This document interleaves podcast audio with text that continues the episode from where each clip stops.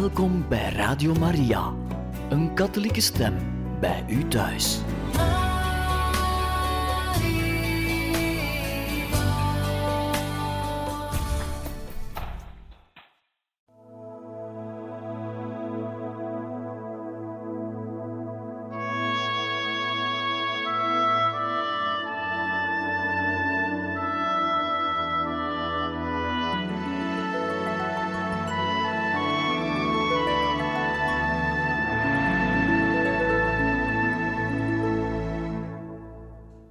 Harte welkom, beste luisteraars van Radio Maria, bij het programma Heiligen Getuigen. We lezen nu verder voor uit het boek Mijn levensverhaal, geschreven door de heilige Thérèse van Lisieux en bewerkt door Koen Meester.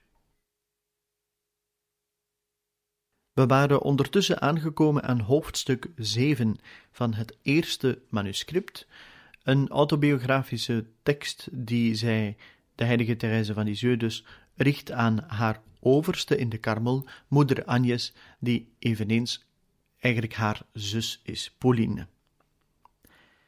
Hoofdstuk 7 luidt Postulanten en novice in de Karmel.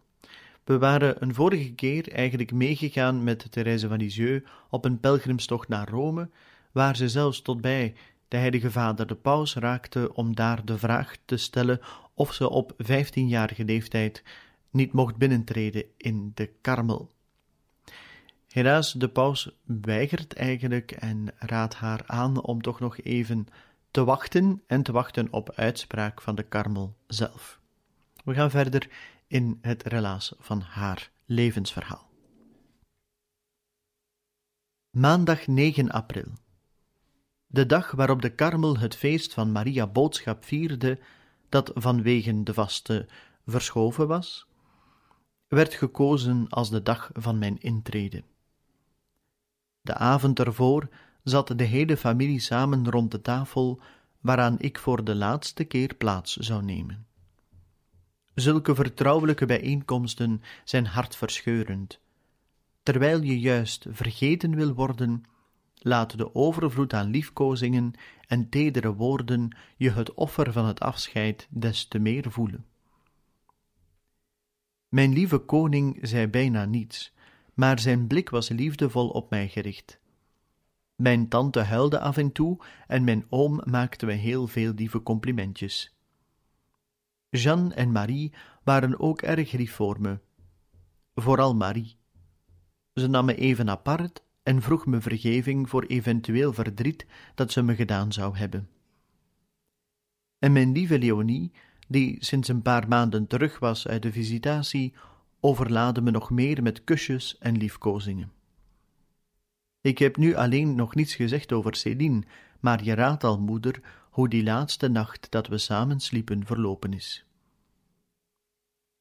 Op de ochtend van de grote dag wierp ik een laatste blik op de Bisonnet, dat liefelijke nestje van mijn jeugd dat ik nooit meer terug zou zien. Daarna vertrok ik aan de arm van mijn lieve koning om de Karmelberg te gaan beklimmen. Net als de avond ervoor was de hele familie samen om de mis bij te wonen en te communie te gaan. Toen Jezus neergedaald was in de harten van mijn lieve familieleden, hoorde ik alleen gesnik om me heen. Ik was de enige die geen tranen vergoot, maar ik voelde mijn hart zo hard bonken dat ik dacht niet naar voren te kunnen lopen toen ons het teken werd gegeven dat we naar de slotdeur konden komen. Toch deed ik het, terwijl ik me afvroeg of ik niet zou sterven door dat harde bonken van mijn hart. Wat een bijzonder moment was dat. Je moet dat doorgemaakt hebben om te weten hoe het is. Mijn emoties waren niet zichtbaar.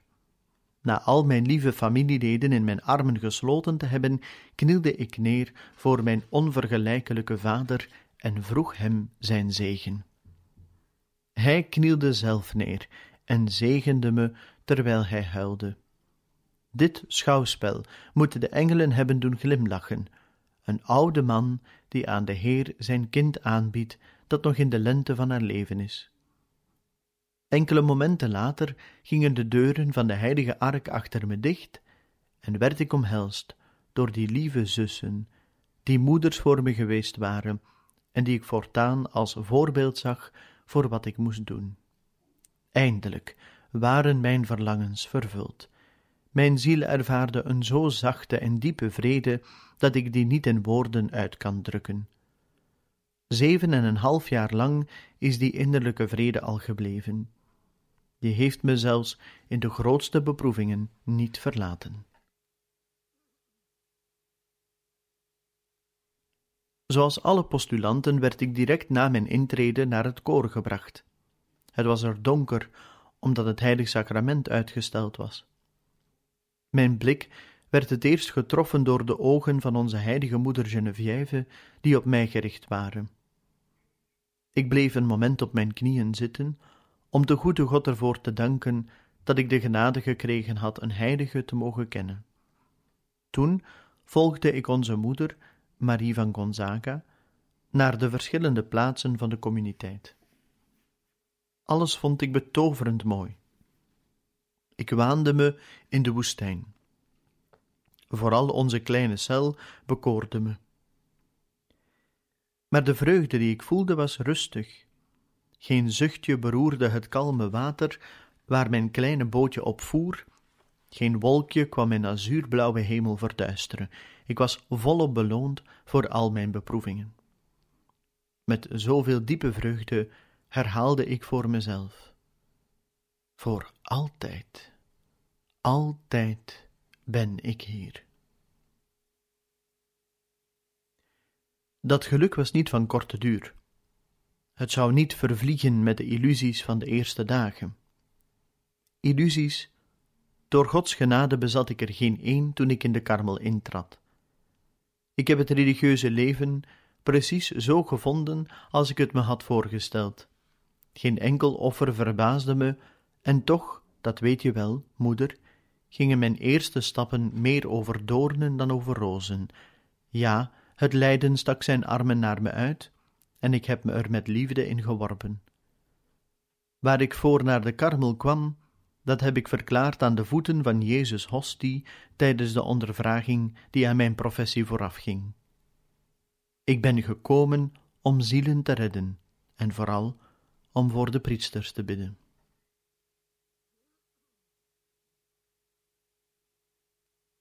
Als je een doel wil bereiken, moet je er de middelen voor aangrijpen. Jezus deed me inzien dat Hij me door het kruis zielen wilde geven, en ik voelde me steeds meer aangetrokken tot het lijden, naarmate het lijden toenam. Vijf jaar lang was dit mijn weg, maar uiterlijk was aan niets te zien dat ik leed. Mijn lijden was des te smartelijker, omdat ik de enige was die het kende. Hoe verbaasd zullen we zijn als we bij het einde van de wereld de geschiedenis van de zielen te lezen zullen krijgen. Hoeveel mensen zullen verbaasd zijn als ze de weg zien waarlangs mijn ziel geleid werd. Dit is zo waar dat pater Pichon, toen hij twee maanden na mijn intrede langskwam vanwege de professie van zuster Marie van het Heilig Hart, verbaasd was te zien wat de goede God in mijn ziel deed. Hij zei me dat hij me de avond ervoor bekeken had terwijl ik aan het bidden was in het koor. Hij meende dat ik een weg ging van kinderlijke vurigheid en van opbeuring. Mijn ontmoeting met die goede pater was voor mij een grote troost, maar die troost was verborgen onder een sluier van tranen vanwege de moeilijkheid die ik had om mijn ziel voor hem open te leggen.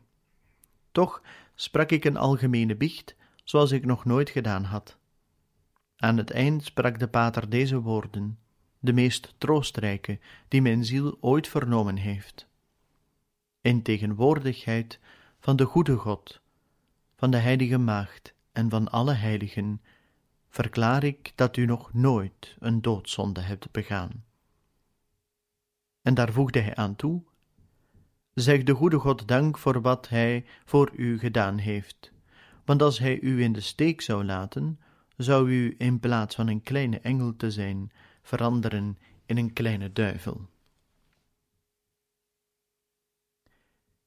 Het viel mij niet moeilijk dat te geloven. Ik voelde hoe zwak en onvolmaakt ik was, maar mijn ziel was vervuld van dankbaarheid. De angst mijn doopkleed ontluisterd te hebben was zo groot, dat zo'n verzekering uit de mond van een geestelijk leidsman, die precies was als onze heilige moeder Teresa verlangd had, dat we zeggen iemand die wetenschap met deugd verenigde, uit de mond van Jezus zelf leek te komen. De goede pater zei ook nog dit en die woorden staan in mijn ziel gegrift. Mijn kind, mogen onze lieve Heer altijd uw overste en uw novice meester zijn. Dat was hij inderdaad ook, en ook mijn geestelijk leidsman. Daarmee wil ik niet zeggen dat mijn ziel voor mijn oversten gesloten was. O nee, verre daarvan. Ik heb altijd geprobeerd voor hen een open boek te zijn. Maar onze moeder was vaak ziek en had weinig tijd om zich met mij bezig te houden. Ik weet dat ze veel van mij hield en gunstig over mij sprak. Toch stond de goede God toe dat zij, zonder dat zij dat wist, erg streng was. Ik kon haar niet tegenkomen zonder de grond te moeten kussen. En zo was het ook in de weinige begeleidingsgesprekken die ik met haar had. Wat een onschatbare genade! Hoezeer was de goede God zichtbaar aan het werk in haar die zijn plaats innam.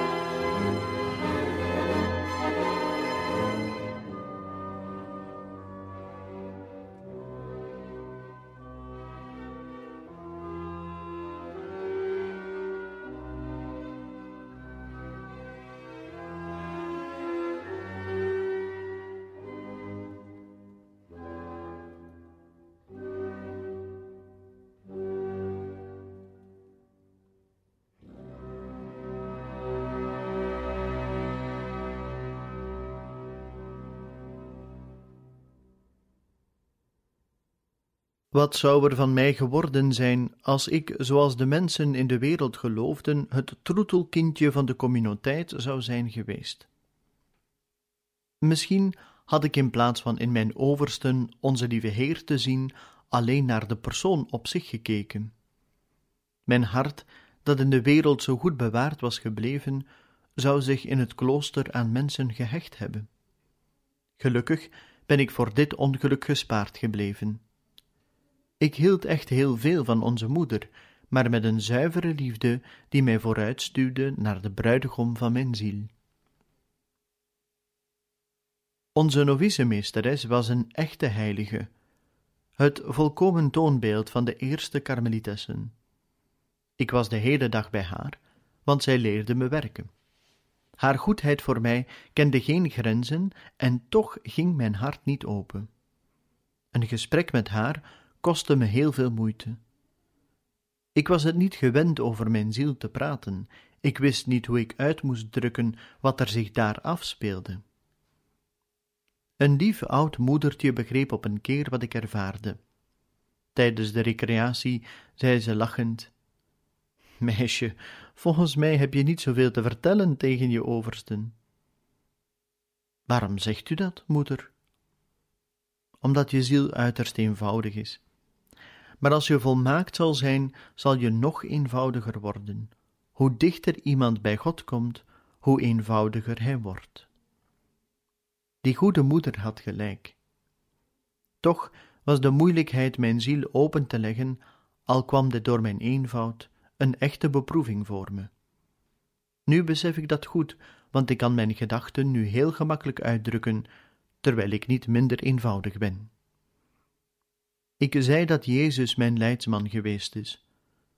Toen ik in de karmel intrad, maakte ik kennis met degene die eigenlijk mijn geestelijk begeleider had moeten zijn, maar hij had me nauwelijks tot zijn schare kinderen toegelaten, of hij vertrok naar vreemde grond.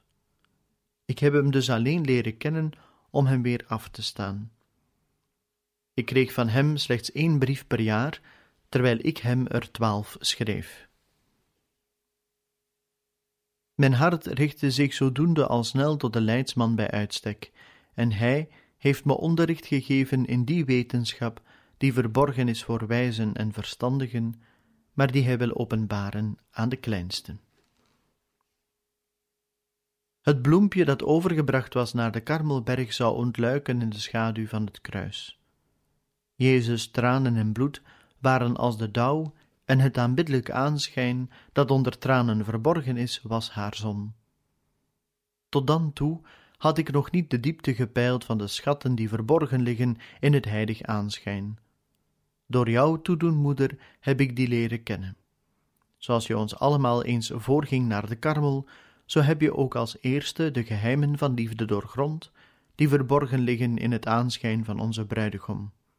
Jij riep me en ik begreep. Ik begreep wat de echte glorie is. Hij wiens koninkrijk niet van deze wereld is, liet me zien dat de ware wijsheid daarin bestaat, vergeten te willen worden en voor niets geteld, je vreugden te willen vinden in het vergeten van jezelf. Net als Jezus wilde ik dat mijn gezicht echt verborgen was, dat niemand op aarde me herkende. Ik dorste ernaar te mogen lijden en vergeten te worden. Hoezeer is de weg waarlangs de goede God mij altijd geleid heeft, toch vol barmhartigheid. Nooit heeft hij me naar iets laten verlangen zonder het mij te geven. Zijn bittere kelk leek me heerlijk te smaken. Al die stralende feesten van de meimaand, het professiefeest en de sluierneming van mijn lieve Marie, die de oudste van het gezin was, en op de dag van haar huwelijk uit handen van de jongste het kroontje ontving, moesten wel gevolgd worden door een beproeving. Het jaar ervoor had papa in de meimaand verlammingsverschijnselen gekregen in zijn benen. We waren toen erg ongerust, maar dankzij zijn sterke gestel kwam mijn lieve koning er weer bovenop en onze angst verdween. Toch hebben we meer dan eens tijdens de reizen naar Rome gemerkt dat hij snel moe werd en dat hij niet meer zo opgewekt was als vroeger. Wat me vooral opgevallen was, was papa's vooruitgang in de volmaaktheid. Naar het voorbeeld van de heilige Franciscus van Sales was hij er zozeer in geslaagd zijn natuurlijke opvliegendheid de baas te worden, dat het nu leek of hij het zachtste karakter had van iedereen. De aardse zaken leken hem bijna niet te raken. Hij overwon gemakkelijk de tegenslagen van het leven. Hij werd door de goede God overspoeld met vertroostingen. Tijdens zijn dagelijkse bezoekjes aan het heilig sacrament stonden zijn ogen vaak vol tranen, en dan straalde zijn gezicht zo'n hemelse zaligheid uit.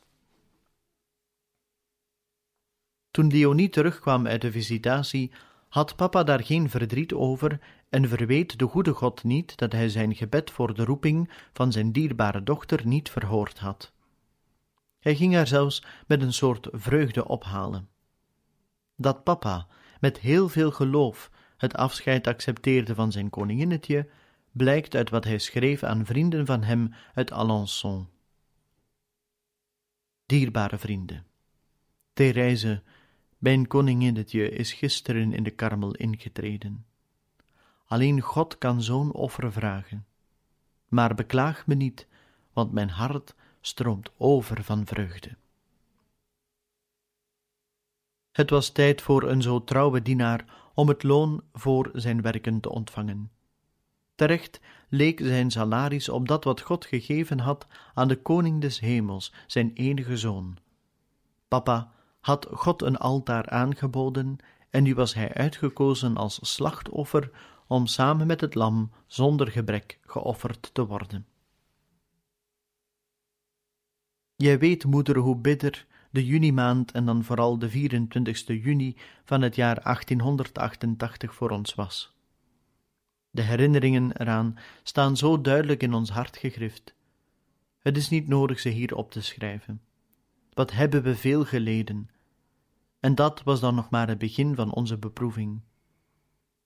Toch was het inmiddels zo ver dat ik ingekleed zou worden. Ik werd door het kapitol aanvaard, maar hoe kon er gedacht worden aan een plechtigheid? Er werd al over gesproken dat ik het heilig habit zou krijgen zonder het slot te verlaten, toen er besloten werd er nog mee te wachten. Tegen alle hoop in kwam onze lieve vader ook zijn tweede aanval te boven en monseigneur stelde 10 januari vast als datum voor de plechtigheid. Het wachten had lang geduurd, maar wat een mooi feest was het. Niets ontbrak, niets zelfs de sneeuw niet. Ik weet niet of ik het al gehad heb over mijn liefde voor de sneeuw. Toen ik nog heel klein was, vond ik die witte kleur betoverend mooi. Een van de dingen die ik het leukst vond, was door de sneeuwwitte vlokken te wandelen. Waar kwam die voorliefde voor sneeuw toch vandaan? Misschien had het ermee te maken dat ik een winterbloempje ben en dat mijn kinderogen de natuur voor de allereerste keer aanschouwd hebben, getooid in haar witte mantel. Het was altijd mijn wens geweest dat op de dag van mijn inkleding de natuur, net als ik, gekleed zou zijn in het wit. Op de vooravond van de mooie dag stond ik een beetje verdrietig naar de grijze hemel te kijken. Af en toe ontsnapte daar een fijn regentje uit en de temperatuur was zo zacht dat ik de hoop op sneeuw al opgegeven had. De volgende morgen was de hemel niets veranderd. Toch was het feest verrukkelijk mooi, maar de mooiste en verrukkelijkste bloem was mijn lieve koning. Nog nooit had hij er zo mooi en zo waardig uitgezien. Hij werd door iedereen bewonderd. Dit was zijn triomfdag en zijn laatste feest hier beneden. Al zijn kinderen had hij aan de goede God gegeven, want Céline had hem nu ook haar roeping toevertrouwd. En hij had geweend van vreugde en was samen met haar degene gaan bedanken die hem eer bewezen had door al zijn kinderen te vragen.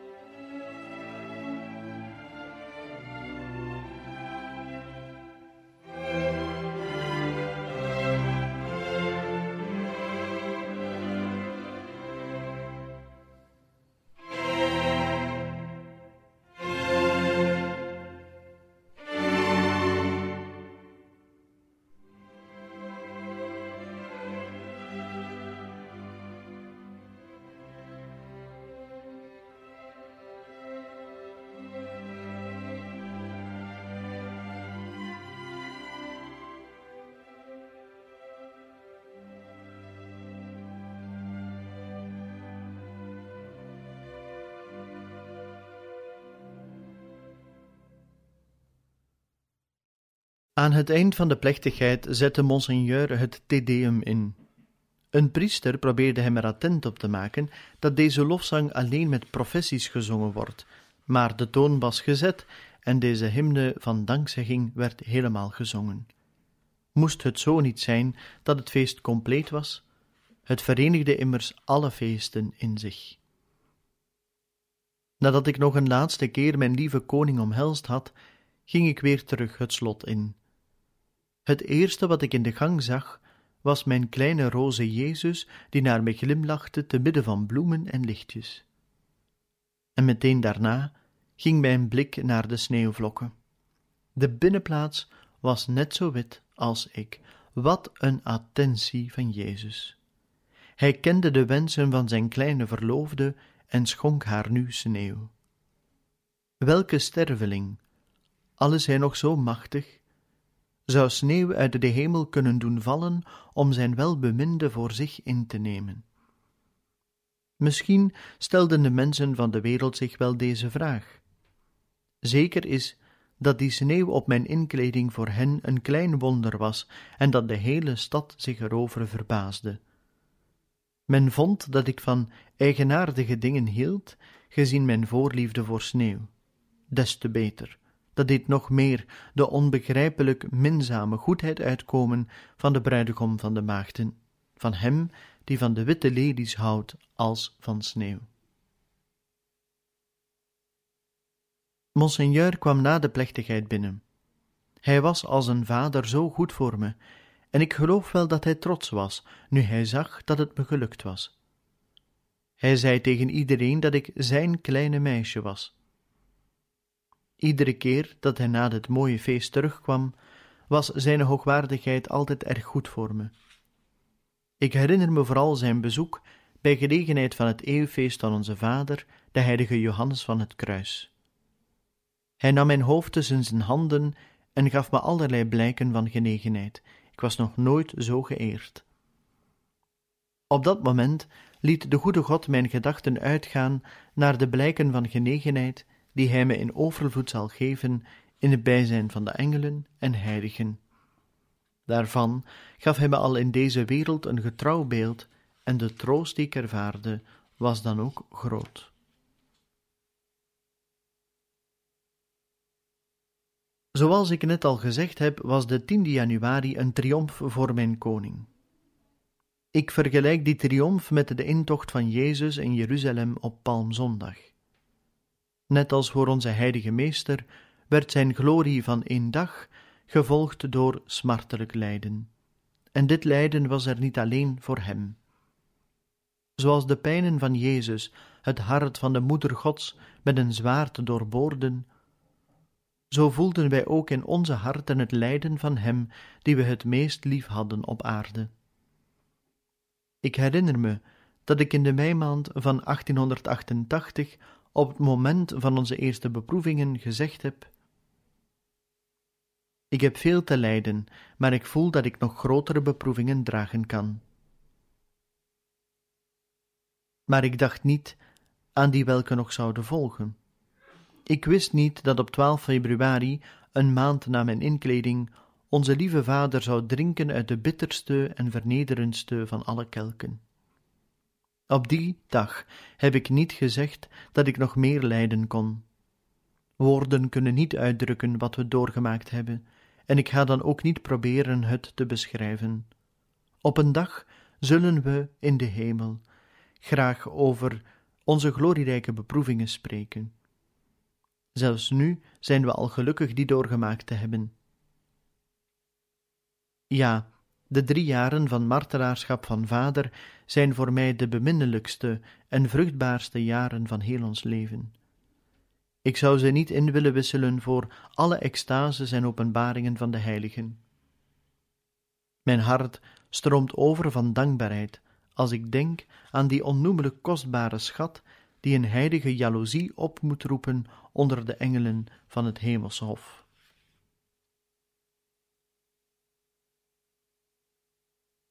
Mijn verlangen naar het lijden was in vervulling gegaan, maar ik voelde me er niet minder toe aangetrokken, en al snel deelde mijn ziel in het lijden van mijn hart.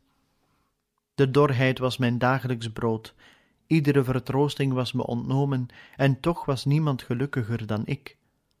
Al mijn verlangens waren immers in vervulling gegaan. Moeder, wat is onze grote beproeving zegenrijk geweest? Uit onze harten gingen alleen zuchten van liefde en dankbaarheid op. We liepen niet meer op de wegen der volmaaktheid, maar we vlogen, alle vijf. De twee arme ballingen in Kaal behoorden niet meer aan de wereld toe, hoewel ze nog wel in de wereld waren. Welke wonderen heeft deze beproeving niet uitgewerkt in de ziel van mijn lieve Céline? Alle brieven die ze me in de tijd schreef, zijn doordringd van berusting en liefde. En wie kan zeggen welke gesprekken we samen hadden? De tralies van de karmel scheiden ons allerminst van elkaar, ze verenigden onze zielen nog sterker. We hadden dezelfde gedachten, dezelfde verlangens, dezelfde liefde voor Jezus en voor de zielen. Als Céline en Therese samen waren, mengden ze zich nooit in een woord over aardse zaken in hun gesprekken, die waren eigenlijk al van de hemel.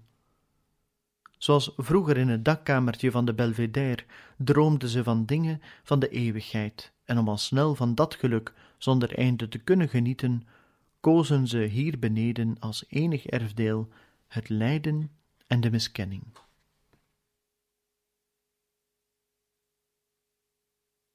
En zo verstreek mijn verlovingstijd. Die duurde heel lang voor de kleine Therese. Na een jaar zei onze moeder tegen me dat ik nog maar niet denken moest aan mijn professie. Meneer de rector zou mijn verzoek zeker afwijzen. Ik moest nog acht maanden wachten. Eerst vond ik het moeilijk zo'n groot offer te accepteren, maar al gauw brak het licht door in mijn ziel. Ik overdacht toen de fundamenten van het geestelijk leven volgens Pater Surin.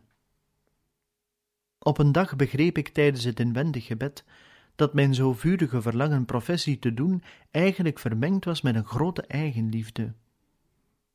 Ik had me aan Jezus geschonken om hem plezier te doen en te troosten, en nu moest ik hem er niet toe verplichten mijn wil te doen in plaats van de zijne. Ik begreep verder dat een verloofde getooid moet zijn voor haar huwelijksdag, en ik had daar nog geen voorbereidingen voor getroffen. Ik zei toen tegen Jezus: Mijn God, ik vraag u niet mijn heilige geloften uit te mogen spreken. Ik wacht zolang als u wilt. Ik wil alleen niet dat door mijn schuld mijn verbintenis met u uitgesteld zou moeten worden. Ik zal alles doen om een mooi gewaad te maken dat versierd is met edelsteentjes. Wanneer u vindt dat mijn gewaad rijk genoeg versierd is, ben ik er zeker van dat geen schepsel u ervan weerhouden zal naar mij af te dalen, om mij voor altijd met u te verenigen, mijn welbeminde. Sinds mijn inkleding had ik al inzicht in overvloed gekregen in de religieuze volmaaktheid en dan voornamelijk wat betreft de gelofte van armoede. En die gelofte en hoe de heilige Therese van Lisieux dat heeft beleefd, dat is voor een volgende keer. En dan hoop ik dat u er ook die volgende keer wil bij zijn. Dan lezen wij u verder voor uit het boek Mijn levensverhaal, geschreven door de heilige Therese van Lisieux, bewerkt door Koen de Meester. Van harte dank en tot een volgende keer.